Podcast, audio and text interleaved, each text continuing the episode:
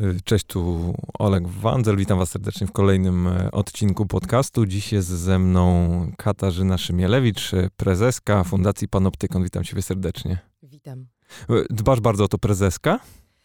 Jeżeli już pojawia się tytuł, to wolę, żeby był w formie żeńskiej, bo jestem kobietą, ale nie lubię tytułów. My traktujemy je kompletnie instrumentalnie. Rzeczywiście ja zwykle mówię skąd jestem. Po prostu jestem z tego miejsca, w którym jestem, z Fundacji Panoptykon, a moja rola jest tak e, wielowymiarowa, dziwna i zmienna, że w zasadzie nic jej nie określa i chyba nic jej nie musi określać. Więc o tytuł nie, ale o formę żeńską tak. A jakbyś powiedziała, o co, o co wy w, w Panoptykonie walczycie? Bo mm, mam też takie wrażenie, że w zależności od tego, co się obecnie dzieje na świecie, są te, te role wasze troszeczkę e, różne. I, I jestem bardzo ciekawy, e, na czym dzisiaj wy się skupiacie i jak ludzie mogą was interpretować, albo powinni was interpretować. To prawda, zmieniamy się z czasem, m, bo kiedy zaczynaliśmy robić to, co robimy prawie, nie, no już 10 lat temu, tak, to jest 10 lat, mam wrażenie, że byliśmy głosem na pustyni, byliśmy jakimiś kompletnymi frikami przychodzącymi z marginesów tego świata technologicznego, którzy mówili, uwaga, dzieje się coś niepokojącego, miejcie się na baczności, kiedy wszyscy byli w tym technooptymizmie utopieni jeszcze i internet... Wszyscy robili quizy na Facebooku wtedy. To raz, ale też firmy sprzedawały nam jakąś wizję wiesz, nowej demokracji, lepszego świata i mam wrażenie, że wiele osób to, to kupowało. Miało taką nadzieję, że w tej sieci to wydarzy się coś, co się nie wydarzyło poza siecią, wydarzy się jakaś lepsza wersja człowieka i to jeszcze człowieka, który współpracuje ze sobą globalnie. Więc była taka mitologia wokół internetu i my też jej nie zwalczaliśmy jako takie, bo to nie jest nasza rola, tylko pokazywaliśmy cenę, jaką człowiek ponosi za zatopienie się w rzeczywistości, której nie rozumie. Bo takie są realia, prawda? To znaczy, to wiedzą firmy technologiczne świetnie, my się tego uczymy, że nie rozumieliśmy e, internetu, w który wchodziliśmy. Dlatego właśnie te usługi komercyjne były nam tak potrzebne, bo sami nie umieliśmy tego urządzić inaczej.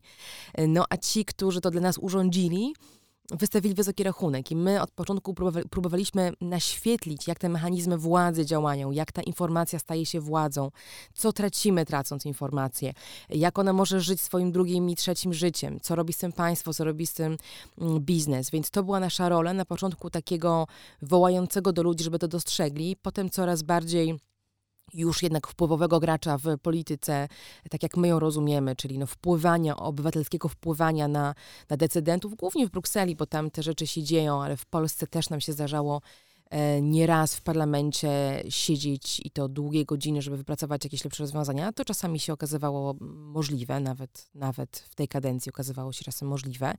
Więc to wejście w politykę na pewno dużo zmieniło w, w takiej dynamice, czym jest panoptykon. Potem był moment, myślę, normalnego rozczarowania też tym procesem politycznym, który ma swoje. No nie będę go rozwijać, ale ta demokracja nie jest tak, jakiej byśmy chcieli, prawda? Więc ym, A, a, edukacja mhm. pojawiła się u nas jako, jako pewnie trochę równorzędna taka noga, na której stoimy. No i oczywiście media, tak? To, że my też tworzymy content, my też robimy dziennikarstwo, my też y, jesteśmy medium, więc te, te edukacyjne ścieżki, które są po prostu do ludzi y, w Panoptykonie rozwijają się ostatnio bardzo mocno. E, Wrócę na chwilkę do tej kwestii politycznej, bo mm, ja, ja też na swojej ścieżce ostatnio w jakichś tego typu procesach brałem udział i, i zastanawiam się, która część tego właśnie procesu rozczarowała ciebie najbardziej, bo, bo mnie rozczarowało wiele, rozczarowało wiele i, i zastanawiam się, czy, czy będziemy mieli podobny tutaj, Mhm. Wiesz, Nie wiem, czy umiem wskazać przekrój. takie najbardziej. Myślę, że jest to gdzieś miks e, niemerytoryczności, takiej, takiej fundamentalnej, tak? Czyli tego, że mamy igrzyska w mediach, które polegają na jakimś plebiscycie popularności e, i walka jest o, o rzeczy nieistotne zupełnie. Walka jest retoryczna. To jest cały czas walka retoryczna. Nie ma walki o prawdziwe idee, nie ma walki o meritum, więc tutaj prawie, że nie ma sporu na ten polu, na którym bym chciała ten spór mieć, bo uważam, że jest o co się spierać merytorycznie, ale tego prawie w polityce nikt nie robi. To są zupełnie innego rodzaju spory w połączeniu z brakiem rozliczalności. Z tym, że umawiasz się z kimś na, jakąś, na, jakiś, na, na jakieś rozwiązanie, tak? Umawiasz się jako obywatel, to znaczy mówisz, przekonujesz kogoś, mówisz, to jest dobry pomysł. Ten ktoś mówi, tak, to jest dobry pomysł, robimy to. Po czym po jakimś czasie, roku, pięciu, dziesięciu, okazuje się, że to wszystko było bez znaczenia, e, bo wystarczy kolejne pstryknięcie tej machiny politycznej, żeby to rozwiązanie wyleciało e, w powietrze, albo przyjmuje się coś obok, które to niszczy, albo się tego nie stosuje, bo nie trzeba. Więc ten brak konsekwencji też jest, myślę, bardzo niszczący przy problemach, które my mamy w technologii w ogóle no, na styku człowieka i na otaczającego nas świata. Te problemy są takiej natury, że fajnie byłoby je rozwiązywać z jakąś wizją długofalową, bo inaczej to po prostu nie ma sensu. A patrząc na Twoje doświadczenia e, w tych, w tych procesach na styku społeczeństwa obywatelskiego, polityki czy, czy kształtowania świata, w którym, w którym żyjemy, mm, to masz takie, albo inaczej, czy uważasz, że nasza zdolność jako obywateli do dyskusji na dane tematy, często trudne, e, poprawiła się? Nasza, czyli kogo? Yy, na, nas obywateli, tak jak my byśmy, mhm. wiesz, bo jestem przekonany, że jakbyśmy sobie teraz, wiesz, zrobili, nie wiem, tablicę białą i wypisali, nie wiem, 10 tematów, które potencjalnie są trudne w społeczeństwie, różnego rodzaju, światopoglądowych, religijnych, historycznych, etc. No to jestem przekonany, że w kilku na pewno moglibyśmy mieć różnice zdań. Jasne. Bo to, to czysto statystycznie tak zdarza. działa. Dokładnie. Mm, I czy według ciebie, jakbyśmy takie ćwiczenie hipotetyczne sobie prze, byśmy takie ćwiczenie sobie odbyli, to czy czujesz, że faktycznie, ale tylko mówię na podstawie swoich doświadczeń, mówię mm. o badaniach, że responsywność po tej drugiej stronie dyskusji jest, czy, czy jednak y, jesteśmy już spolaryzowani i, i tak naprawdę każdy y, bawi się w ten swój szpil i ja mówię jedno, ty mówisz drugie, podajemy sobie ręce dalej i, i każdy idzie w swoją stronę w ogóle bez poruszenia tak naprawdę kluczowej kwestii. Mhm. No mam taką intuicję, że zmierzamy w tym kierunku, który zarysowałeś, czyli jednak ym, pewnej takiej, takiego lekceważenia tego drugiego poglądu, bo też dostępność poglądów, jeśli tak to można ująć, w mediach, w których żyjemy, jest taka, że każdy znajdzie swój kąt y, w tej, w tej swój, swój, swój, swój, swoje spektrum tej debaty, któremu odpowiada. Więc nie mamy takiej silnej motywacji, mam wrażenie, w naszej cywilizacji medialnej. Motywacja do tego, żeby wypracować wspólne jest bardzo nikła. No bo w sumie po co, prawda? No zgodzi, nawet jeżeli poświęcimy tę uwagę, czas, energię sobie, nawzajem się na coś zgodzimy, to na, na to to się przykłada, na nic, bo polityka w ten sposób nie działa. To, że my się zgadzamy jako grupa obywateli jeszcze nie znaczy, że zgodzi się z nami decydent, że w ogóle to zrozumie i że w ogóle się tym zajmie, bo przecież ma swoje problemy, on chce po prostu wygrać e, i ma do tego swoje triki i taktyki, tak? Więc ta nasza zgoda obywatelska, ona jest na tyle luksusowa, na tyle jest, mam wrażenie, nie, nie przekłada się na nic, na żadne rozwiązania polityczne czy społeczne, że trochę staje się taką rozrywką intelektualną dla ludzi, których na to stać. I, i, I tacy w to wchodzą. A jak ktoś nie musi, po prostu żyje z dnia na dzień, żyje na poziomie tabloidów czy, czy prostych newsów, to, to myślę, że nie musi tego szukać, tego wspólnego. E, cieszę się bardzo, że, że właśnie to, to powiedziałeś w kontekście tego luksusu i, i tego, kto tak naprawdę w takie dyskusje wchodzi, bo ja mam takie wrażenie, bo, bo wspomniałaś o rachunku, które, czy tej fakturze, którą wystawiły korporacje za, za swoje usługi, czy za, za, mm, za określone... Za swoje pozornie darmowe usługi. Dokładnie. I, i zastanawiam się, czy, czy, czy, czy ludzie są świadomi tej ceny, którą, którą płacą. No ja też się e, e zastanawiam, od, od 10 lat się zastanawiam i w sumie, w sumie nie wiem. E, wydaje A mi w ogóle się... czy ludzi to obchodzi? Tak, e, kiedyś wydawało mi się, że ich nie obchodzi i że nie mają potrzeby się z tym konfrontować. Od pięciu lat mniej więcej wydaje mi się, że jest, jest inaczej. To był wcześniej Snowden i jego rewelacje dotyczące tego, jak bardzo te firmy współpracują z rządami, jak bardzo te dane, które im powierzamy w zaufaniu, e, funkcjonują w machinie inwigilacyjnej. Takie tąpnięcie mocne pierwsze, czyli ekosystem inwigilacji, który jest zamknięty, który jest całością. Tutaj nie ma podziału na państwo e, i na, i na prywatne jakieś bezpieczne firmy. To jest wszystko jedna machina I to było, myślę, pierwsze ważne tąpnięcie. E, potem mieliśmy mm, oczywiście skandale e, okołowyborcze z Facebookiem, mm, nie tyle w tle, co w centrum tych skandali i takimi firmami jak Cambridge Analytica. Mm, badanie pokazujące, że z danych, które te firmy, platformy technologiczne, wszystkie, nie tylko Facebook oczywiście, zbierają o nas, można i, i, robi się to, wywnioskować rzeczy ukryte, tak? takie, których my byśmy nigdy nikomu nie powierzyli, nawet w zaufaniu. Albo często nie jesteśmy ich świadomi nawet. Nie? Dokładnie, sami nie wiemy, że mamy profil psychometryczny taki, a nie inny, tak? że nasza osobowość tak działa, a nie inaczej. Pewnie o swojej orientacji seksualnej czy pokonach politycznych coś tam wiemy. E, może nie wszyscy, ale większość z nas wie. Natomiast te głębokie psychologiczne rzeczy są nam często w ogóle niedostępne. Natomiast reklama od zawsze, to, to nie jest wynalazek absolutnie facebookowy, to jest dużo wcześniejsze, zajmowała się podświadomym, zajmowała zajmowała się tym, jak człowieka rozegrać. Tak? Zgodnie z, raczej z tym, co mu dyktuje ten gadzi mózg, ta część mózgu bardziej prymitywna, która działa jednak na, na podstawowych pewnych, pewnych e, reakcjach. Jak ją ograć? Bo ta świadoma, która wybiera, kontroluje, krytykuje, ona nie jest dla reklamy atrakcyjnym partnerem, prawda? Ona raczej nas hamuje. Ona mówi, dobra, już nie kupuj, dobra, może bądź sceptyczny. Ej, ten polityk gada głupoty, albo już to widziałeś, już to, już to słyszałeś. Mm, nie angażuj się. Natomiast ten, ten, ten gadzi mózg mocno nas angażuje. On jest tym, który się boi, który, który ma te popędy, który szuka tego, co jest, co jest w świecie atrakcyjne, seksowne, tak? podnosi nam adrenalinę, więc to jest to, na czym gra reklama. I to jest to, na czym gra Facebook, który zasadniczo jest po prostu platformą reklamową. Oczywiście to, co nazywamy reklamą, tam ma rozmaite twarze. Bardzo często wygląda po prostu jak treść, którą ktoś produkuje, ale ją sponsoruje. A, a e, dzięki temu sponsoringowi Facebook to podbija, używając właśnie swojej najgłębszej wiedzy o człowieku. I, i my tego, mm, tej transakcji, mam wrażenie, uczymy się dopiero od niedawna. Od kiedy po pierwsze rozumiemy, że danych jest o wiele więcej niż my wkładamy, bo to było bardzo długo przez ludzi banalizowane. Przecież ta, ta machina wie to, co ja jej mówię, a co ja jej takiego mówię wrzucam jakieś zdjęcie, wrzucam jakiegoś posta. Przecież to są banalne, miejsce. jakieś miejsce, banalne rzeczy. Zajęło nam dłuższą chwilę, żeby zrozumieć, że to nie są banalne rzeczy, że ślady cyfrowe opisują nas, szczególnie te metadane, tak? dane o danych, dane o tym, gdzie jesteśmy, e, e, z kim jesteśmy, jaką mamy trajektorię poruszania się, jakie mamy rutyny tych kliknięć. Nawet nie co klikamy, ale jak, prawda? I, i nasza ręka, i nasz palec, ale też y, pewien schemat zachowania, że to są, te dane opisujące nasze zachowanie są w ogóle najcenniejsze. I że jest ich o wiele, wiele więcej niż sobie wyobrażaliśmy, bo one są generowane. To jest, e, myślę, kluczowa też tak, ta, taka zmiana w myśleniu, na, na, pewno, na pewno dla mnie, kiedy sobie z tego w pełni zdałam sprawę. Mm, mając informacje o miliardach ludzi, te firmy są w stanie porównać człowieka w jakimś fragmencie, które mają z tą resztą, ze schematami, które pokazała ta cała reszta ludzi na swój temat i powiedzieć: O, ten brakujący element jest tu, ja to wiem dobudowuję sobie kawałek wiedzy o tym, który powiedział mi mało, bo o innych mam dość dużo. I ta zdolność kreowania danych dzięki tak zwanemu big data i dzięki oczywiście algorytmom, to jest to, co spowodowało, że władza, którą te firmy zyskały, przekroczyła wszystko, co sobie wyobrażaliśmy. Ona przekroczyła daleko to, to, to powiernictwo, w które e, świadomie być może wchodziliśmy, powierzając im różne sekrety. Nie no, oni stworzyli nasze sekrety za nas. Oni nas zmapowali bardziej niż my byliśmy w stanie zmapować siebie. I to odkrycie jest, mam wrażenie, dość świeże. To jest te ostatnie pięć lat dyskusji właśnie o, o metadanych, o profilowaniu, o algorytmach, o big data i jest już za późno.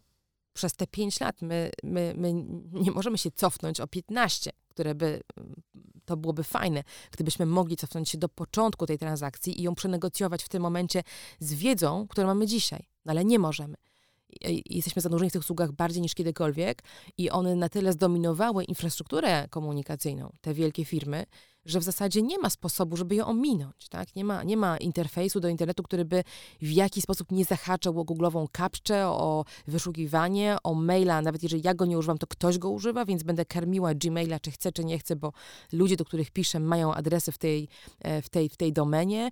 Mm, nie mogę ominąć do, do, do końca Facebooka, bo tam jest wiele ludzi i instytucji przede wszystkim, szkół, ministerstw, polityków. Tam jest wszystko, tam jest cały ten świat, więc jeżeli ja z nim pracuję... Zresztą nawet, wiesz, zobacz, po, po, waszej fundacji. No z jednej strony walczycie z bardzo określonym zjawiskiem, z drugiej strony macie profil na Facebooku, gdzie komunikujecie się ze swoimi obserwującymi. I to, i to, jest, i to jest pewien trade-off, który robisz na co dzień, bo, bo to też wydaje mi się, nie, nie, nie odpowiedzią nie jest powrót do epoki kamienia upanego, tylko y, o ile to, to zabrzmi bardzo... Tak, Ani nawet do lasu. No do, dokładnie, ale mi chodzi, bo to, bo to jednak wszystko się rozbija o świadome korzystanie z tej technologii. No i tylko teraz pytanie, co znaczy świadome, nie? No, byłabym ostrożna z takim przerzucaniem tego na nas i mówieniem po prostu człowieku korzystaj świadomie. Mm, znowu myślę, że. Po, jesteśmy... po obu stronach, bo jednak, jednak mam wrażenie, że po drugiej stronie, w rozumieniu w wielkich korporacjach, rządach, etc., też są ludzie. Tak, którzy moim zdaniem wiedzą, co robią którzy od początku tej mhm. transakcji dokładnie wiedzieli, na co grają. Myślę, że Google, szczególnie Google, który, którą to firmę ja bardzo szanuję, może być podziwiam, bo u, uważam, że ich wizjonerstwo w tym, jak kształtują swoje usługi i, i w ogóle wizja człowieka, jak, jakiego oni chcą e, tymi usługami kreować, um, bo przecież Google to nie są tylko usługi komunikacyjne, to już teraz jest też biotechnologia, to są roboty, to są różne sfery, to jest transport miejski, tak? To jest naprawdę myślenie o społeczeństwie bardzo zaawansowane i ta ich wizja jest przerażająca, bo ona jest też niezwykle atrakcyjna, jest niezwykle dobrze zaprojektowana, więc, więc dla mnie ta firma, ona budzi ogromny respekt i nie mam wątpliwości, że ludzie w środku wiedzą, co robią. My, jako użytkownicy, zbyt długo wierzyliśmy w to, że korzystamy z darmowych usług, a ceną za to jest jakaś głupia reklama, którą możemy sobie zablokować i ewentualnie trochę śledzenia. To nie jest trochę śledzenia. To jest perfekcyjna machina do kontrolowania umysłów ludzi, perfekcyjna machina marketingowa, której mocy naprawdę nie docenialiśmy, bo też nie docenialiśmy głębokości obserwacji, jaka jest w niej zaszyta. E, I wracając do, do, do, do, trade-offu, do jakichś kompromisów, w które, w które wchodzimy. Tak, Panoptykon ma profil na Facebooku po to, żeby promować to krytyczne myślenie też o Facebooku i przyznam, zawsze nas to bawiło, że posty, materiały, które dotyczą Facebooka rozchodzą się tam najlepiej. No więc gdzie indziej, tak? Znaczy gdzie indziej mówić ludziom, hej, opamiętajcie się, jak nie właśnie w tym miejscu. No my oczywiście mamy profil zawodowy, nie mamy tam prywatnego życia swojego, bo tego byśmy, tego byśmy nie zrobili i też bardzo dbamy o to, bardzo dbamy o to, żeby żadna treść, która jest tam, e, nie była dostępna tylko w tym kanale. Tak? Czyli jeżeli coś mhm. tworzymy, to to zawsze jest na naszej stronie i w innych kanałach, więc jest też otwarte na inne, na inne ogrody, bo te zamknięte ogrody internetu stały się potężnym problemem, że człowiek wchodzący w Facebooka e, ma treści tylko tam i już nie potrafi wyjść. My staramy się to otwierać, produkując treści w różnych, w różnych kanałach.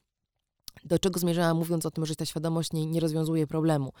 E, chodzi mi o to, że nawet najbardziej świadomy użytkownik, nawet najbardziej ostrożny i tak będzie dziś przegrywał w tej grze, bo to w ogóle nie jest gra na jego miarę. To nie jest uszyte na miarę człowieka, na miarę jednostki. E, tutaj musimy jako zbiorowość wystąpić, która broni pewnych interesów zbiorowych a więc też jako państwo, czy też jako społeczeństwo, być może europejskie, być może globalne kiedyś. Trochę w to nie wierzę, no ale byłoby, mhm. byłoby miło, tak?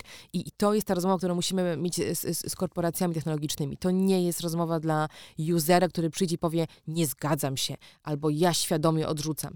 Ja nie oczekuję, że ludzie wyjdą z Facebooka tym sensie nie oczekuję, że, że, że to mogłoby być dla nich zbyt trudne, ale oczekuję, że Facebook przestanie być Facebookiem. Zmieni się w coś innego, co będzie działało w sposób otwarty, chroniący nasze, nasze prawa, mm, w sposób taki, który ułatwia konkurencję, a nie ją wyklucza. Po prostu zmieni się to, co jest złe, a nie my, którzy w tym wszystkim jesteśmy dosyć, dosyć chyba jednak dobrze. Przynajmniej nie szkodzimy sobie nawzajem. Nie zawsze. Bardzo mnie ciekawi ten wątek y, wystąpienia przeciwko tym, tym globalnym gigantom mm, interesuje, ponieważ mm, e, Ostatnio, ostatnio przy okazji czytania różnego rodzaju artykułów w kontekście wojny handlowej pomiędzy USA a Chinami, mm, tam są, wiesz, przerzucanie się argumentami różnego rodzaju, e, ale spotkałem się z takim, takim ciekawym stwierdzeniem, ciekawym slash przerażającym, że w momencie, gdy, gdy mówimy o, o stricte bardzo namacalnych usługach czy produktach, które są wytwarzane w jednym albo w drugim miejscu, to w momencie, gdy na przykład y, ze względu właśnie na, na wszelkiego rodzaju obwarowania formalne, Chińczycy będą musieli przestać produkować coś i to dokładnie to samo dobro będą musieli przestać produkować Amerykanie, którzy importowali do Chin, bo takie sytuacje również są, E, to w przypadku e, w Stanach będzie to zwolnienie kilkudziesięciu tysięcy osób, związki zawodowe, ogromna chreja, wielki medialny problem generalnie z perspektywy politycznej, a w Chinie zamkną wioskę. Mhm. Przesiedlą ludzi, zrobią jakby 100 milionów innych rzeczy. I zastanawiam się, czy w kontekście tej dyskusji globalnej, o której mówisz, w ogóle istnieje i czy to jest realne, e, żebyśmy my faktycznie byli w stanie taką, taką dyskusję odbyć, ponieważ zawsze może być tak, że x miliardów ludzi w Chinach powie wam w ogóle, w ogóle o, co, o co wam chodzi. Nie? Mhm. Bo, bo, bo, jednak, bo jednak to, co chyba jest w ogóle dla mnie trudne w tej całej dyskusji, jest to, że mm, dane to jest globalny temat. Z definicji globalny. W sensie każdy może mieć do nich dostęp, każdy, te, te, te różnego rodzaju rynki danych, które funkcjonują, są globalne. Ty dzisiaj możesz kupić dane o każdym użytkowniku z całego świata w rozumieniu. No, nie wprost, ale z Facebooka sobie poradzę. W, wiesz, co mi chodzi? Będę mogła z nich skorzystać. U, upraszczam oczywiście, tak? Ale mi mhm. chodzi o to, że, że aspekt y, geograficzny nie jest dzisiaj czynnikiem blokującym takie działania. I zastanawiam się, czy faktycznie taka zmiana byłaby możliwa, bo oczywiście na poziomie europejskim to się dzieje, w GDPR, RODO, etc. Mhm. Pojawia się prawo, ale w Stanach to dalej nie funkcjonuje, w Chinach to dalej nie funkcjonuje. Nie, nie, nie mam pojęcia, jak to jest na, na rynkach wschodzących, nie?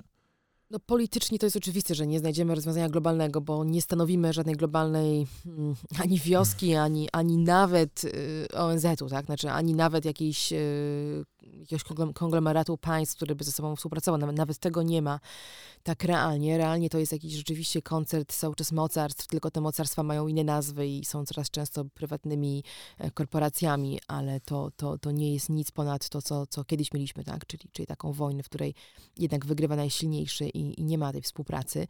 Na, na, na, to bym nie liczyła. Mm, myślę głośno, bo powiedziałeś coś takiego, że, że mm, dane są dostępne globalnie i nie możemy tego zatrzymać. No i taki nie, bo jeżeli nas interesuje Europa, załóżmy, tak, chcemy się na niej skupić, bo w niej żyjemy i jej wartości jakoś współtworzymy czy rozumiemy, to możemy, moim zdaniem, zrobić jednak taką korektę w tym świecie, żeby te informacje o nas były mniej dostępne, przez co władza nad nami będzie mniejsza bo jednak człowiek nie jest taki sam wszędzie. Jeżeli mamy, załóżmy w Chinach, pełną obserwację e, tych miliardów ludzi, które tam żyją, e, ich rutyn, ich zachowań, e, ich pragnień i tym manipulacją tego się zajmuje, nawet nie musi manipulować, po prostu narzuca pewne normy skutecznie chińskie państwo czy chińskie korporacje, jak to się ma do mnie? No w zasadzie nijak, bo to jest na tyle odległa rzeczywistość społeczna, ekonomiczna, psychologiczna, że ja nie dam, nie, nie podlegam temu samemu opisowi, tak? Więc jeżeli jakby tutaj Xiaomi zaczęło na mnie robić jakieś eksperymenty, mogliby się bardzo zdziwić, że ja zachowuję się zupełnie inaczej. Więc tak o tym myśląc, yy, jestem nieco bardziej optymistką, jeśli chodzi o taką geograficzną, jakieś rozgraniczenie tej władzy, które idzie naturalnie z kulturami, oczywiście, i z tym, jak bardzo my się różnimy globalnie, jak bardzo Europejczyk różni się od Chińczyka czy Amerykanina. Wspomniałeś o Ameryce jako o miejscu, w którym RODO jeszcze się nie wydarzyło, nie ma regulacji, która by chroniła ludzi wobec technologii. To prawda, nie ma jej jeszcze, ale mam też bardzo silne wrażenie graniczące z pewnością, że FTC, amerykańska komisja do spraw handlu, jest już bardzo wkurzona na, na, na tych graczy, bo czuje się śmieszna, czuje się upokorzona. Regulator, nawet taki, który był bardzo łagodnym rodzicem, można powiedzieć, przez 20 lat dla tych firm, bo uważał, że one są korzystne dla gospodarki, powinny się rozwijać, teraz już jest trochę wkurzony, bo one sobie robią z niego po prostu kpiny. O, ostatnia kara nałożona przez FTC w wyniku zakończenia tego śledztwa, które, które dotyczyło dezinformacji w trakcie wyborów jeszcze, tak? To jest cały czas jeszcze reperkusja tego, co działo się w trakcie kampanii Donalda Trumpa. To było 5 miliardów dolarów, rekordowa kara, i tego samego dnia udziały Facebooka poszły w górę. Czyli inwestorzy powiedzieli: okej, okay, to jest cały czas tylko tyle, tak? Do, do, dokładnie. W ogóle zabieracie, wielka, nam, no. zabieracie nam cały czas cukierki, kiedy my rozgrywamy władzę na poważnie. Więc... Ale to wiesz, to była jedna ósma ich dostępnej gotówki w tamtym no, czasie. Oczywiście. To jest absurdalne. No, ale to pokazuje, że skończyły się środki finansowe. One tu po prostu nie działają, bo nie o pieniądze chodzi, prawda? Na tym rynku nie chodzi o pieniądze. No, chodzi o wiedzę o ludziach i chodzi o dane, z których można potem wygenerować i bardzo dużo pieniędzy, i bardzo dużo władzy, za którą ktoś zapłaci. Te pieniądze są ważne na koniec, ale one są skutkiem pewnej władzy. Rozmontowanie jej musi zacząć się wcześniej, musi zacząć się od jakiegoś uspołecznienia czy odebrania kontroli nad tą wiedzą właśnie. I Amerykanie to rozumieją powoli, bo widzą, że są, e, regulatorzy są śmieszni, dopóki nakładają tylko kary. To jest rodzaj podatku, który no, może transferować jakąś wartość. To nie jest zły pomysł. Oczywiście zabierać bogatym, dawać tym uboższym w społeczeństwie. Fajnie, róbmy to, ale to nie jest rozwiązanie systemowe. I oni to czują. Co więcej, ludzie, którzy inwestowali w te firmy, no choćby, um, choćby Roger McNamee, taki znany inwestor, który bardzo był zaangażowany w Facebooka, dalej ma udział zresztą jego, bo uważa, że krytykując go nie może ich sprzedać, bo e, wyszłoby to nieautentycznie. Może jeszcze jest, może jest jeszcze jakaś inna motywacja. Nie wnikam. No, Niewielka. Może po prostu chce jeszcze trochę zarobić. No ale nawet, nawet on opublikował w tym roku książkę Poszoszanie zubów. Ona była pierwsza i, i jednak jej dzieło The Age of Surveillance Capitalism, które tłumaczy, co tu się wydarzyło, jest fundamentalne. No ale wielu ludzi przychodzi po niej i mówi podobne rzeczy innym językiem. W tym właśnie ten inwestor facebookowy też napisał napisał swoje dzieło, równie krytyczne, tylko może trochę słabsze, nawet na pewno trochę słabsze, w którym padają te zaskakujące. Ja tam czytam rzeczy takie jak, jak to się stało, że informacja o ludziach, tak intymna, tak wrażliwa, po prostu została im zabrana i wykorzystana.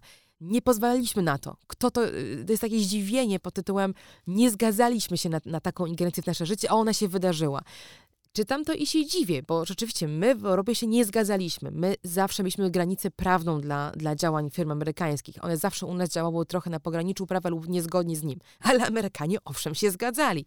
Owszem przez długie lata mówili, nie potrzebujemy regulacji w tym zakresie, róbcie co chcecie. Więc to obudzenie się nawet inwestorów dzisiaj, po 20 latach takiej wolnej Amerykanki i powiedzenie... Dosłownie dosłownie powiedzenie, jak to się stało? Przecież nie było na to społecznej zgody.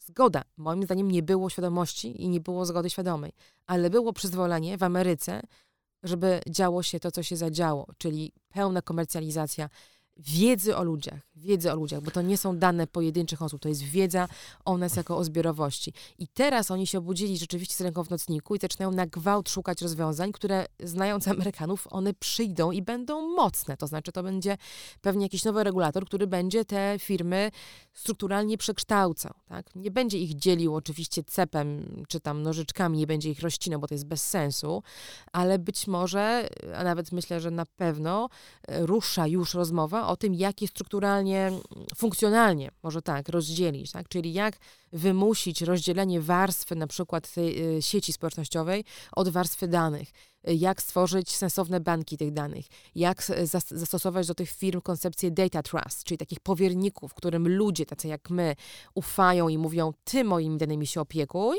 i ty wobec tej firmy, czy tych dziesięciu wielkich firm negocjuj moje interesy. Notabene to mają być, yy, nie wiem, organy państwowe? Nie, nie. Data trust to, są, to jest koncepcja prywatnych jak najbardziej mm, taka, może nie wolnorynkowa, co oparta o no, przedsiębiorstwo jakieś, tak?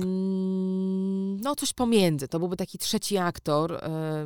To jest bardzo nietypowa konstrukcja dla prawa kontynentalnego, bo to jest zakorzenione w common law, gdzie, gdzie zaufanie w jakiś sposób jest, w jakiś sposób poddaje się, staje się prawem. Znaczy, nie, nie wiem, jak to lepiej powiedzieć, ale rzeczywiście w common law jest to do pomyślenia, że masz e, byt, któremu, u, który, z którym relacja opiera się na zaufaniu i ten na zasadzie jakiejś społecznej umowy, tak? Na zasadzie jakiegoś powiernictwa okay. i tam nie musi być biznesu na tym. Może być, ale nie musi. To znaczy, to coś może być komercyjne i może być twoim po prostu adwokatem, czy, czy twoim mhm. reprezentantem komercyjnym, któremu ty płacisz, tak jak płacisz bankowi za pewną usługę, a może być konstrukcją non-profit. Może, może być czymś, co nie robi na tym zysku, e, ale rzeczywiście, ponieważ prawo traktuje takie zaufanie, takie relacje zaufania poważnie, respektuje je i są konsekwencje za złamanie tego zaufania, no to można sobie wyobrazić, że coś takiego nawet działa na zasadzie niekomercyjnej, wtedy musiałoby być to pewnie jakoś dotowane przez wielkie fundacje, czy, czy przez ludzi na zasadzie wolontarystycznej. No pewnie można byłoby szukać różnych konstrukcji mhm. finansowania tego, bo,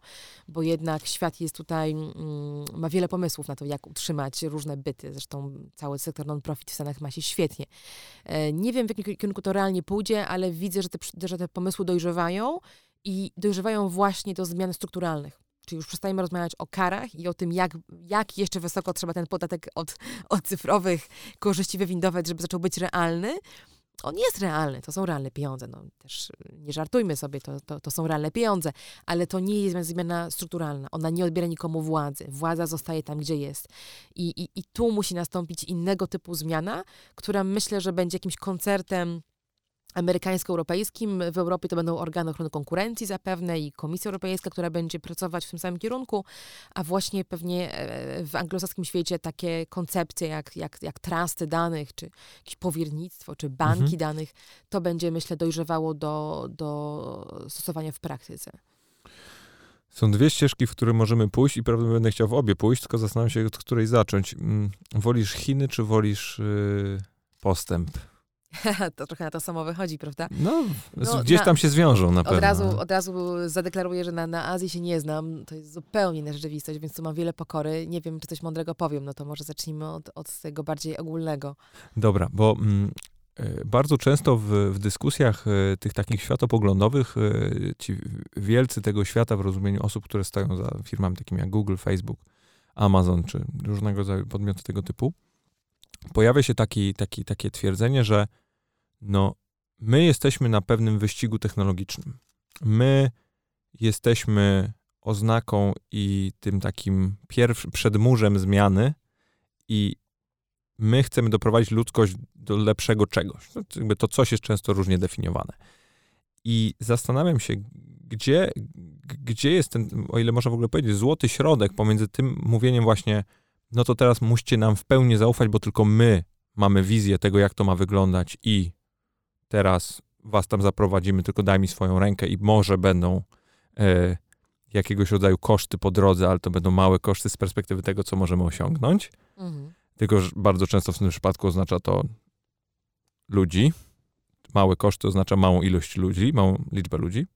liczbę ludzi, małą liczbę ludzi, co w skali globalnej oznacza kilkadziesiąt, kilkaset, kilka milionów ludzi. E, ale oni mówią, to jest pewien koszt, który my powinniśmy ponieść jako społeczeństwo, bo jesteśmy jako to społeczeństwo odpowiedzialni. I sobie tak myślę, fuck. W sensie, jak to się stało, że, mm, że nagle y, no, jesteśmy w sytuacji, w której faktycznie mm, z jednej strony mm, bo, bo ja nawet, wybacz, że tak się zapętliłem w tym, bo, bo nawet ja, ja, sam w sobie nie jestem do końca przekonany, co ja sądzę na ten temat, bo z jednej mm. strony jestem zafascynowany tym, w jaki sposób technologia zmienia nasze życie i na przykład uważam, że, że smartfon jest świetnym urządzeniem, które faktycznie zrewolucjonizowało to, w jaki sposób się komunikujemy, jak konsumujemy rozrywkę, jak płacimy, robimy 100 milionów innych rzeczy, a z drugiej strony jest jeden do jeden urządzeniem, które bardzo mocno przyczyniło się do sytuacji, w której dzisiaj jesteśmy. I jak w ogóle, jak w ogóle podejść do tego? Czyli jest właśnie zmiana, technologia, przyszłość, lot na mhm. Marsa, a, a, a dzisiejsze nasze poczucie bezpieczeństwa i tutaj nie mówię tylko o cyberbezpieczeństwie, czy, czy o, o wiesz, zabezpieczeniu telefonu poprzez jakiegoś tam rodzaju enkrypcję, tylko po prostu poczucie, że, mm, że jednak to nie jest tak, że nie mamy totalnie kontroli, bo, bo, bo, bo, z tego, co ty mówisz i jak tak siedzę tutaj przez te kilkadziesiąt minut i, i ciebie słucham, to, to aż, wiesz, ciarki cię mogą przejść, że faktycznie jak dużo my nie wiemy. Mhm. Mm, jakbym miała do tego postępu podejść tak, tak fundamentalnie, to bym zadała pytanie o, mm, o to, y, dla kogo i w czyim interesie. Mhm. Czyli w, ki w kierunku czego ten postęp. Bo sam postęp ja nie wiem, czy to w ogóle ma wartość, prawda? Y, nie mieszałabym też postępu z technologią. Technologia to jest po prostu narzędzie i możemy to narzędzie mm, wykorzystać, żeby rozwiązać nasze problemy, które mamy. Na przykład, jeżeli tak definiujemy postęp, że postępem będzie na przykład zatrzymanie pewnych negatywnych zjawisk, takich jak kryzys, kryzys, ekologiczny, o ile w ogóle się to da zrobić, pewnie już się nie da tego zrobić, no ale załóżmy, że chcemy rzucić całe nasze technologiczne siły w tym kierunku i to będzie nasz postęp, to brzmi dobrze, dla mnie brzmi dobrze, bo to oznacza, że zaczynamy wykorzystywać to narzędzie, którym jest technologia, do rozwiązania problemu, który rzeczywiście istnieje i który spowoduje, jeżeli go nie rozwiążemy, że za 20-35 lat na, nas nie będzie albo nie będzie nas w tym, w tym kształcie, w którym e, funkcjonujemy. Czyli będziemy e, w permanentnym kryzysie już takim dotyczącym naszego jedzenia, dotyczącym powietrza, tak, dotyczącym e, wojen i nie chcemy tego. Więc jeżeli tak sobie stawiamy cel, albo celem jest choro są, są choroby, z którymi chcemy coś zrobić. No nie możemy wykluczyć starzenia, nie, może, nie możemy stać się nieśmiertelni, ale być może mm, możemy chorować mniej, albo chorować krócej, albo chorować mniej boleśnie albo rozwiązać problem chorób, które, nie wiem, tropikalnych, które dotyczą ludzi biedniejszych, tak? Więc jeżeli mówimy o takim postępie, to ja bardzo chętnie. Myślę, że tutaj technologia mogłaby być pomocna, może nawet smartfon też. Ale jeśli postęp jest definiowany przez korporacyjne interesy, tylko i wyłącznie, w których zawsze musi być ten geometrycznie rosnący zysk. I kolejne pola eksploatacji, kolejne pola usług, w które ludzie wchodzą, mm, mimo że ich nie potrzebują, bo naprawdę myślę, że na polu usług już jesteśmy bardzo bardzo zaspokojeni i można byłoby po prostu żyć. No teraz żyjemy w świecie, w którym usługi generują usługi. Można do byłoby usług, korzystać z czasu, który mamy, z przyrody, póki ją jeszcze mamy. Można byłoby po prostu jeść, po prostu ze sobą gadać, po prostu ze sobą być i może już nie mieć kolejnych apek do wszystkiego, tak? do, do każdej czynności fizjologicznej, intelektualnej, e, każdego planowania i każdego rodzaju pracy. E, zatrzymać się w takim postępie, bo on mi się wydaje drogą do, donikąd, e, a raczej drogą do mm, eskalacji kryzysu ekologicznego, bo w tych usługach zawsze są też jakieś dobra. Tam zawsze jeszcze jest jakaś, jakiś materialny wymiar tego, wcześniej czy później. Jakiś gadżet, jakieś coś, co chcemy kupić, jakaś kolejna wersja choćby tego smartfona, który zużywa przecież potężną ilość minerałów i też e, energia, która obsługuje, jest niezbędna, żeby tę aplikację obsłużyć. Mm, blockchainy i tym podobne wynalazki, które mogą być ciekawe w jakimś aspekcie, są też ekologicznie problematyczne. To wszystko jest spięte w jeden wielki kocioł, w którym w tym momencie mamy, y, nadużywamy planety i nadużywamy siebie, swoje uwagi, swojego czasu, którego mamy paradoksalnie coraz mniej i coraz więcej, bo klikamy bez przerwy, tak? Y, u, uzależniamy się od tej technologii, cierpimy psychicznie z tego powodu. Mamy mnóstwo badań już gotowych, bo to tr chwilę trwa, które pokazują, że samotność ludzi, depresja, rozmaite zaburzenia, one rosną, a nie maleją pod wpływem tego, jak my w sieci razem w wielkim cudzysłowie funkcjonujemy, mm, bo to jest tak naprawdę rynek, na którym człowiek jest bez przerwy bodźcowany, oceniany, zmuszany do interakcji i nie czuje się dobrze, nie czuje się częścią wspólnoty. Więc zamiast dostrzec to i wyjść z tego, my mówimy postęp. Ale to nie nasze słowo jest ten postęp, chyba, prawda? Tak mi się wydaje. To jest pomysł y, tych korporacji na, na kolejne pole eksploatacji, na kolejny biznes. E, więc to, co ja bym chciała rzeczywiście zobaczyć na horyzoncie, to jest odklejenie technologii od tych korporacji i odklejenie pomysłu na postęp od zysku. Jeżeli tak byśmy to przeprowadzili, to bardzo fajnie. To myślę, że i dane, i wiedza o ludziach, i sama technologia w znaczeniu narzędzi, które mamy, mogłaby służyć czemuś, czemuś sensownemu dla ludzkości. Ale w tym momencie ja tego nie widzę. W tym momencie wizja człowieka, wizja rozwiązania jego e, problemów, które, które nie są prawdziwymi problemami, bo problem tego, że e, czy to, że za mało konsumujemy, dla mnie nie jest problemem. Ja już, ja już mam dość. Nie chcę kolejnych usług, nie chcę kolejnych pomysłów na, na wpięcie mnie w jakieś ulepszacze mojego życia które do niczego nie prowadzą. Więc jeśli to ma być post, e, postęp w, w, definiowany przez e, prywatne firmy, e, to powinniśmy się z tego po prostu wypisać. Ba bardzo, bardzo, bardzo jest ciekawe to, co mówisz, bo mm, mam też wrażenie, że mało kto w ogóle zadaje sobie pytanie, czym ten postęp jest. Mówimy, wiesz, jako ludzkość historycznie parliśmy do przodu. E, I, i, i, ten, I ten klimatyczny budzik, powiedzmy, który obecnie, którego każdy z nas doświadcza, jest takim w ogóle jednym, mm, jednym z głównych czynników, który sprawia, że ludzie zaczynają patrzeć w ogóle na koszty tego, tego wszystkiego, co my żeśmy robili przez tam no tak, to się set, setki, dziesiątki tysięcy lat.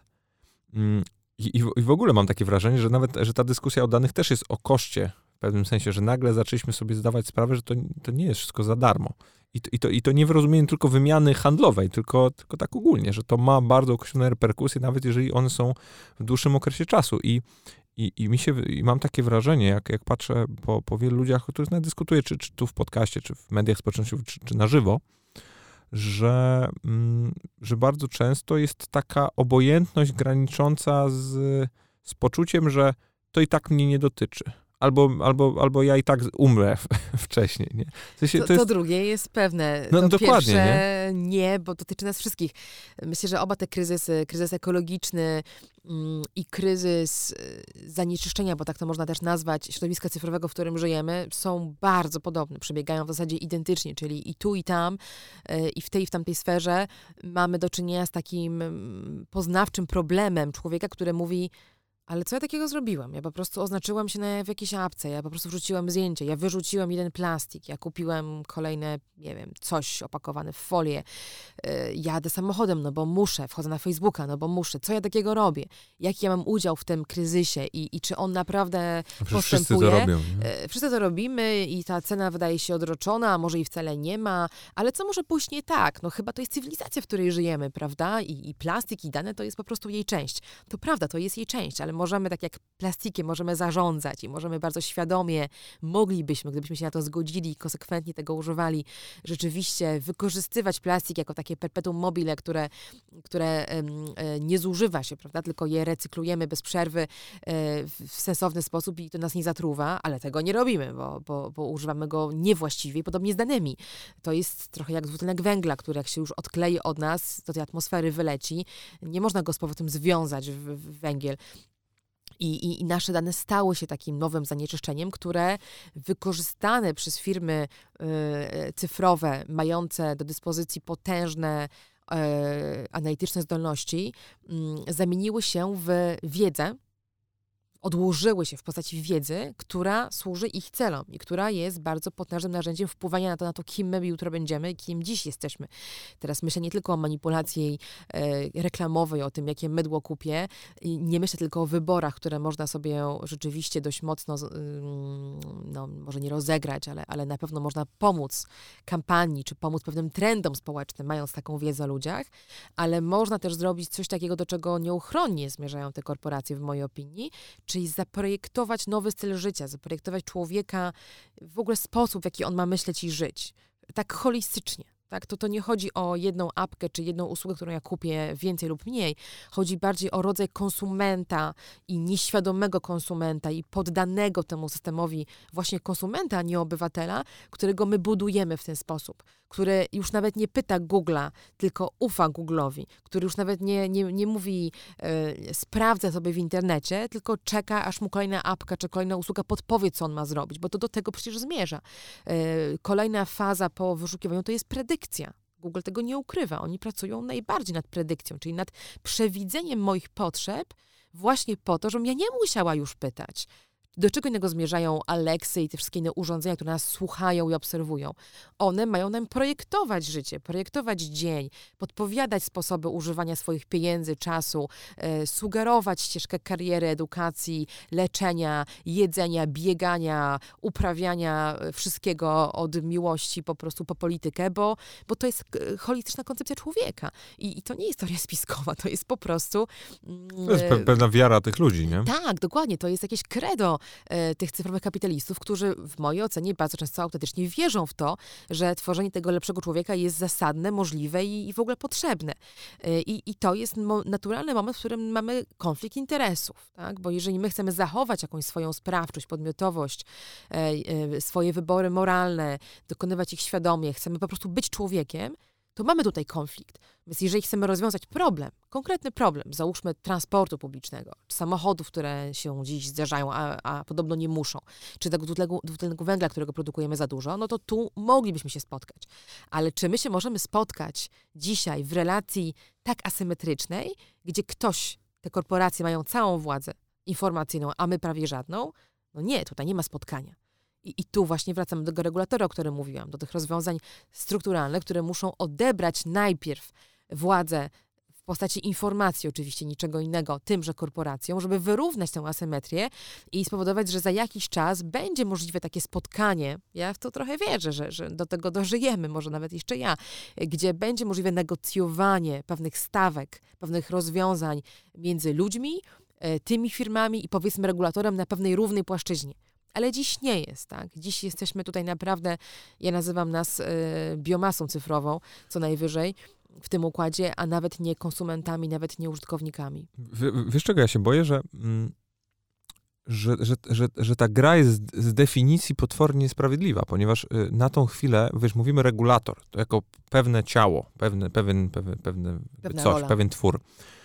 Tylko za tym znowu tworem stoją ludzie i ci ludzie nie mają bardzo często fundamentalnej wiedzy, żeby w pewnym sensie zderzać się i wchodzić, y, stawać w szranki z tymi korporacjami, bo mówimy tutaj o mm, potwornie wykwalifikowanych osobach, bardzo inteligentnych, oczytanych, wykształconych, a tu mówimy o osobach, które bardzo często ze, ze względu na mandat społeczny znalazły się w sytuacji, które mają jakby coś negocjować i, i nie można mówić, że ta walka jest fair. Mm. Bo, bo możemy mówić o think tankach, możemy mówić o mm, organizacjach pozarządowych, które w jakimś stopniu wspierają intelektualnie czy merytorycznie, tak jak no zresztą panoptyką w tej sytuacji. Tak, wy jesteście pomocą bardzo tak, często dla regulatora w, w tych... No, Dokładać no, trochę no, ale, ale, nie, to jest, to jest bardzo słuszne według mnie, bo, bo, ta, bo ta dyskusja powinna być wyrównana. Ja się tylko zastanawiam, czy realnie ona może być wyrównana. No dzisiaj nie jest. Tu mamy pełną zgodę. E, jeżeli jedna strona naprawdę rozumie trendy społeczne, widzi je z wyprzedzeniem, bo ma to w danych, e, ma te wszystkie możliwości takich ekstrapolacji, z których wyciąga wnioski i naprawdę idące daleko w przód. E, to widać bardzo dobrze po ekspansji tych firm na nowe rynki, rynki finansowe, rynki nie wiem, zarządzania energią, transportem, zdrowiem. Oni gdzie nie wchodzą, tam w zasadzie rozliczają konkurencję, bo wchodzą z wiedzą, która daje im taką przewagę a po drugiej stronie jest regulator, który, który uczy się tego na błędach, który orientuje się po 15 latach nakładania kar, że kary już nie działają. Oczywiście, dzisiaj to wygląda bardzo słabo, no ale tak jak sam zauważyłeś, regulator nie działa w izolacji on powinien, jeżeli jest mądry, e, a na to cały czas liczymy, że tacy się znajdą, może nie w Polsce, ale gdzieś, tak, na, na pewno w Wielkiej Brytanii, na pewno w Waszyngtonie możemy liczyć jeszcze na, na, na regulatorów, którzy, którzy potrafią korzystać z wiedzy, która jest poza nimi, e, tak, potrafią korzystać z akademii, e, z, z think tanków, z organizacji społecznych. To jest dokładnie nasza rola, my dokładnie to robimy. W tym roku przez najbliższe 12 miesięcy moją rolą w Panoptykonii w dużej mierze, pewnie w jednej trzeciej, będzie właśnie promowanie pewnej narracji, pewnych wyników myślenia, które my mamy w naszej sieci e, organizacji broniących praw cyfrowych, w rozmaitych forach, gdzie są ci regulatorzy, gdzie są inni gracze, i próba ich zainspirowania. W konkretnym właśnie temacie nowej regulacji platform, bo Komisja Europejska szykuje się do nowego otwarcia regulacyjnego. Będzie coś takiego jak Digital Services Act, e, dosyć kompleksowa regulacja platform, no i oby nie była ona spieprzona, więc będziemy pracować razem jako sieć i w Brukseli pewnie, i, i, i trochę w, w, Ameryce Północnej, bo tam też trzeba, ale akurat my najbardziej w Brukseli, żeby ta koncepcja, która się urodzi w ciągu kolejnych dwóch, 12 miesięcy, była sensowna. I to jest praca tysięcy ludzi działających w jakiejś sieci. No, tak, tak to mniej więcej funkcjonuje. Możemy to przegrać, ale też możemy coś wygrać. Ja cały czas wierzę, że warto przynajmniej podjąć ten wysiłek. No, znaczy, bez, zresztą, wiesz, po, po drugiej stronie masz ludzi, którzy w coś bardzo wierzą, i dokładnie podejmują ten wysiłek w celu tego, w co wierzą. Ty jakby wierzysz w coś innego e, i, i, również, i ja uważam, że to jest w ogóle fundamentalna cecha społeczna, że, że, powinno się walczyć o to, w co się faktycznie wierzy i to jest w ogóle super rzecz. Ale, ale pytałem też o to dlatego, bo e, wiesz, oglądałem mm, przesłuchania, czy te tam hearings w, w kongresie i, i senacie mm, przedstawicieli Facebooka, Google'a i tam różnych innych podmiotów i, i oczywiście jest to słynne przesłuchanie Marka Zuckerberga. E, no i wiesz, i to, to była farsa, nie? Pie, pieprzona farsa, w sensie pod względem merytorycznym. E, no obejrzałem całe i, I to naprawdę, no, już pomijam aspekt y, prawniczej to nie jest regulator. dyskusji, ale to jest, ale to jest absurdalne. Po, po, ale wiesz, ale to, ale to jest... Ale to jest ale, z regulatorem to jest inna liga. Ale wiesz, co mi chodzi, ale to, jest, ale to jest jakby masz front społeczeństwa, to znaczy osoby, które dostały od ciebie twój mandat, i, ciebie reprezentują jako obywatela. Ja już powiedziałam na początku rozmowy, że demokracja trochę nie działa, nie rozwijaliśmy tego wątku. No. Może go zostawmy na, na inny raz, bo można byłoby o tym wiele godzin, a chyba nie ma sensu, bo chyba wszyscy wiemy no nie, jak to tak, działa tak, i tak, jak tak. nie działa. Ale, ale, no, tak, no nie, rozumiesz, działa. W sensie... To znaczy, tych, ci, którzy, ci, których wybieramy, to nie są ludzie, to nie jest merytokracja. Ale tak? bardzo często oni, mający... ale bardzo często oni są pierwszym, pierwszą, pierwszą, wiesz, pierwszą tą instancją rozmawiającą z tymi ludźmi. Bardzo często na tej instancji się kończy, nie dochodzi do tego regulatora. W wymiarze takiego show, jakie odbyło się w kongresie amerykańskim, rzeczywiście tak. Oni są na froncie w Polsce, oni są w mediach, to z nimi gada e, telewizja w Sejmie, czego nigdy nie rozumiem. Na przykład chodząc do Sejmu, mijam te wszystkie ekipy telewizyjne, za, z, z, o, odbijamy się o siebie po prostu ramionami, tak?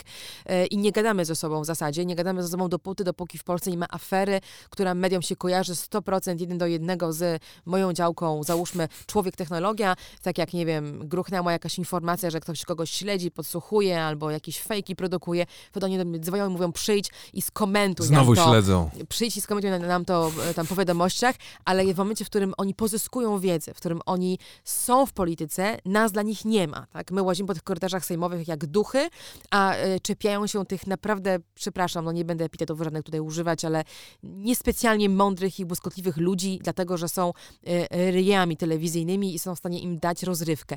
Tak to działa i tak to działa w Ameryce, i tak to działa w Polsce na tym poziomie jest farsa i jest y, show, który się ma nijak do, do prawdziwej polityki, ale jednak w prawdziwym życiu poza tym show ono też istnieje, w takim politycznym życiu, y, kiedy się pisze przepisy, kiedy się projektuje rozwiązania, tam wchodzą w grę inni ludzie. Y, I lobbyści, i asystenci tych polityków, i tacy ludzie jak my, czyli obywatelscy lobbyści, którzy grają tą samą grę, tylko po drugiej stronie, tam ucierają się już inne koncepcje i wtedy ten polityk, jak jest mądry, oddaje pole i zaczyna e, raczej spotykać ze sobą tych właściwych, którzy mają pomysły i mają wiedzę, a sam staje się po prostu tego sygnatariuszem czy, czy twarzą, ale nie udaje, że wie, bo nie może wiedzieć, bo on nie jest od tego, żeby wiedział musiałby wiedzieć za dużo, prawda? Żaden człowiek teraz nie ogarnie tych wszystkich specjalistycznych dziedzin. Więc nie byłabym aż tak lekceważące, jeśli chodzi o możliwości uregulowania tej sfery, ale rzeczywiście, no, nie, może tak, nie osądzałabym możliwości regulacyjnych po tym medialnym show, który e, czasami się, się rozgrywa. Tylko mówisz e, obywatelscy lobbyści. Mm, w ogóle y, dla, ja, ja, uważam, że to, to zjawisko jest bardzo dobre, że, że różne strony potencjalnego zjawiska, y, przepraszam, różne strony potencjalnego nim konfliktu albo, albo jakieś tam regulacji ze sobą rozmawiają, to powinno być i, i to jest bardzo dobre, że są to osoby merytorycznie do tego przygotowane. Mm, ale zastanawiam się, bo jednak y, stwierdzenie obywatelscy zakłada, że ten mandat, o którym przed chwilą mówiłem, wam został w jakimś stopniu nadany, albo wy go sobie wzięliście. Raczej to drugie, tak. My no właśnie. uważamy, że reprezentujemy wartości, które są bliskie ludziom oczywiście starają się tych ludzi słuchać. My jesteśmy medium, mamy swoich czytelników, mamy Mhm. swoje kanały, w których słuchamy ludzi, mamy maile, na którego ludzie piszą, mamy, mm, czerpiemy z mediów, gdzie, gdzie też ludzie komentują, tak? Więc, więc staramy się być blisko e, tego, tych potrzeb, a jednocześnie w sferze akurat praw człowieka, z której my wychodzimy jako organizacja prawnicza jednak, uważamy, że mandat nie jest plebiscytem. My nie musimy mieć tysiąca lajków, Mhm. pod postem na temat prawa do prywatności, żeby rozumieć, że ono ma sens. My musimy działać jak think tank trochę, trochę jak, e, jak taki wizjoner, który przewiduje, co pójdzie nie tak za 10 lat, tak jak e, zresztą się zadziało w Panoptykonie, bo my te, te, zagrożenia, o których dziś e, rozmawiamy w debacie publicznej, jako o oczywistych, my je wcześniej bardzo sygnalizowaliśmy, więc to się potwierdziło. My je definiujemy w oparciu o, o wiedzę, którą mamy, jako prawnicy i jako eksperci od technologii. E, Pewne rzeczy sobie wyobrażamy, pewne rzeczy bierzemy z książek, nie wiem, ja czytam na przykład Mhm. Dukaja i myślę sobie, kurde, ten facet to też, też, też, też to czuje, tak? On zupełnie z innej gliny lepiony, ale też to czuje.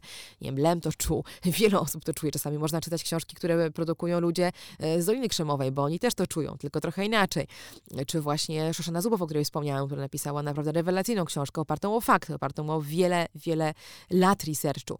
Więc my bierzemy pewne koncepcje i pomysły na to, co rozwiązywać yy, ze źródeł, które są yy, poza lajkami, poza plebiscytem. I wierzę, że tak należy. Wierzę, że właśnie w ten sposób możemy wyprzedzić to tu i teraz i zaproponować ludziom ochronę ich interesów, która będzie ważna również jutro. My nie musimy czekać, aż e, tysiąc osób powie nam, róbcie. To nie, to nie tak ten mandat działa. Ten mandat jest mandatem polityka i widzimy, jak to się kończy. W, w, w, w pewnym sensie do, dochodzi to do sytuacji, w której mamy, wiesz, wizjonerów po jednej stronie i po drugiej stronie, nie? Dokładnie tak, dokładnie tak. Myślę, że dobrze to złapałeś. No chociaż my staramy się rzeczywiście nie odklejać się z rzeczywistości i też ją badać. No, no choćby teraz mamy Ale wiesz, ale jestem, Polsce przeko- ale jestem przekonany, wyborczy. że po drugiej stronie też dokładnie tak samo myślą. W sensie też myślą, że my staramy się nie odklejać i oni tam, wiesz, tam nas hamują. Oj, znaczy to, czy Dolina Krzemowa jest odklejona, no myślę, że jest odkle- odklejona bardzo. Jest odklejona bardzo i każdy, kto tam był lub otarł się o to, lub nawet czyta, no choćby wystarczy poczytać, mamy amerykańskie media, takie jak e, e, Medium czy Wired, czy no miejsca, gdzie, gdzie jest ta narracja, żeby zobaczyć, jak bardzo ona jest ekskluzywna, odklejona i, i zamknięta w swojej bańce. Myślę, że my jednak funkcjonując w Polsce funkcjonując w Warszawie, funkcjonując lokalnie, czujemy o wiele bardziej te problemy, które dotyczą ludzi, ale też staramy się je badać. No, mogę dać Ci przykład tego, co, co, co robimy w sferze badań, bo to jest bardzo adekwatne do momentu, w którym rozmawiamy. Mamy w Polsce teraz e, rok wyborczy, kolejny rok wyborczy, bardzo ważny rok wyborczy e, i mamy media, na których dzieje się wszystko. Dzieją się fejki, dzieje się dezinformacja, dzieje się targetowanie, o którym mówiliśmy trochę. Słynne trole E, przed paru dni, nie? I trole, ale też po prostu reklama, tak? To, że Facebook daje swoje możliwości, udziel- użycza swoich możliwości targetowania każdemu, kto zapłaci, również politykom, którzy dzięki temu mogą dotrzeć do wyborców, mikrotargetując ich, ich, ich, ich, ich potrzeby. I my to badamy. Na przykład, tak? W trakcie wyborów proponujemy ludziom instalowanie wtyczki, e, która e, nazywa się po angielsku Who Targets e, You, a, a, a my to tłumaczymy jako Kto cię namierzył. I ta wtyczka umożliwia każdemu gromadzenie informacji na własny rachunek, na własne potrzeby Wrzucimy również. link w opisie. Wrzućmy link, bo to warto. Informacje o tym, jak jesteśmy śledzeni, targetowani na Facebooku i, i, i, i również w Google, bo to działa na, na oba, obie te platformy, po to, żeby każdy sam dla siebie mógł zobaczyć, czemu podlega, jakim formom targetowania politycznego w tym akurat kontekście podlega e, i to mógł zweryfikować, czy to mu się podoba, czy nie, a my dzięki temu dostajemy dane zagregowane, bo nie dostajemy danych konkretnych osób w ogóle, jako badacze, żeby zobaczyć to zjawisko w skali makro i móc na przykład usiąść do stołu z Facebookiem potem, co robimy regularnie, i powiedzieć, słuchajcie, wasze narzędzia, które mają robić to samo, czyli mają pokazywać e, reklamę polityczną, nie są dość dobre, bo pomijają całe podziemie reklamowe na przykład, albo po, pomijają reklamę, która jest targetowana w sposób bardziej wyrafinowany. Zróbcie coś z tym. Albo możemy pójść do re- regulatora, o którym mówiliśmy, powiedzieć mu, zobaczcie, co widać w Polsce, albo czego nie widać, bo też często problemy europejskie są kreowane na miarę amerykańskich, a to, to nie jest ten sam rynek, nie, nie są te same pieniądze, e, szczególnie jeśli chodzi o reklamę polityczną. Więc czasami my też, e, nawet dość często staramy się zasilać tę debatę danymi, które dają nam jeszcze inny mandat, mandat merytoryczny w tej rozmowie, a nie tylko taki plebiscytowy, którego ja naprawdę osobiście bardzo nie cenię. No korcą mnie te Chiny potwornie, ale czasu nie mamy. Chyba już nie mamy. Czasu nie mamy, no. Bo, bo wiesz, bo tak to, to zagaję może na, na, na, przyszłość, bo wiesz, bo zawsze, bo po prostu ja się, ja się obawiam jednej rzeczy, nie? że my będziemy jednak w środowisku kulturowo podobnym, bo Stany, system anglosaski, Europa, etc., to jakby my siebie rozumiemy. Usiądziemy do stołu i będziemy mówić w miarę podobnym językiem, będziemy mieli podobne referencje kulturowe, światopoglądowe, historyczne, etc. Mm, no i będziemy w stanie o, o czymś sobie dyskutować. Po czym mamy otwarty, wolny rynek, przepraszam, no i, i nagle widzimy, że chińskie korporacje zaczynają na te rynki wchodzić. Mm, I one nagle grają według swoich reguł, nie według naszych reguł. Jasne, myślę, że tak kierunkowo, myślę, że nieuchronne jest to, że obudzimy się albo już się obudziliśmy w internecie, który jest podzielony geograficznie. E, ja myślę, że to nie będzie najgorsze rozwiązanie wobec tego, co mamy dzisiaj, czyli wobec tego, że funkcjonujemy w ogóle w pozamykanych korporacyjnie ogrodach, w których nie mamy przepływu informacji pomiędzy, wolnego. Mamy kontrolowany przez, przez tych gatekeeperów mhm. korporacyjnych. To oni decydują o tym, co przepłynie między tymi ogrodami, które, które, które y, oni zaprojektowali i ogrodzili właśnie. Więc nawet wyjście z tego już jest wielką wartością dla mnie i jeżeli wychodząc z tego wejdę w podział internetu taki mniej więcej spójny z kontynentami, nie będzie to chyba najgorsze rozwiązanie, bo i tak Europa czy ten świat zachodni jest dość duży, żeby tam zmieściło się mnóstwo ciekawych rzeczy, mediów i usług. Może nie musimy aspirować do tego, żeby to było globalnie jednolite, kiedy my jako ludzie globalnie w ogóle się nie spotykamy i, i, i żyjemy na antypodach. E, więc dopóki to nie przerodzi się w wojnę, w, jakąś cyber, w jakiś cyberkonflikt, to jest zupełnie inna rozmowa, zupełnie inna historia o tym, jak się zabezpieczać na, taką, na taki scenariusz, e, na, na scenariusz e, konfliktowy, to myślę, że taki pokojowy scenariusz internetu podzielonego geograficznie jest do pomyślenia i wcale nie jest porażką. Konieczna będzie dogrywka. Kasiu, bardzo, bardzo Ci dziękuję za, za Twój czas i, i że udało nam się usiąść porozmawiać. Ja też dzięki za ciekawą rozmowę i pewnie do usłyszenia, do zobaczenia. Na pewno.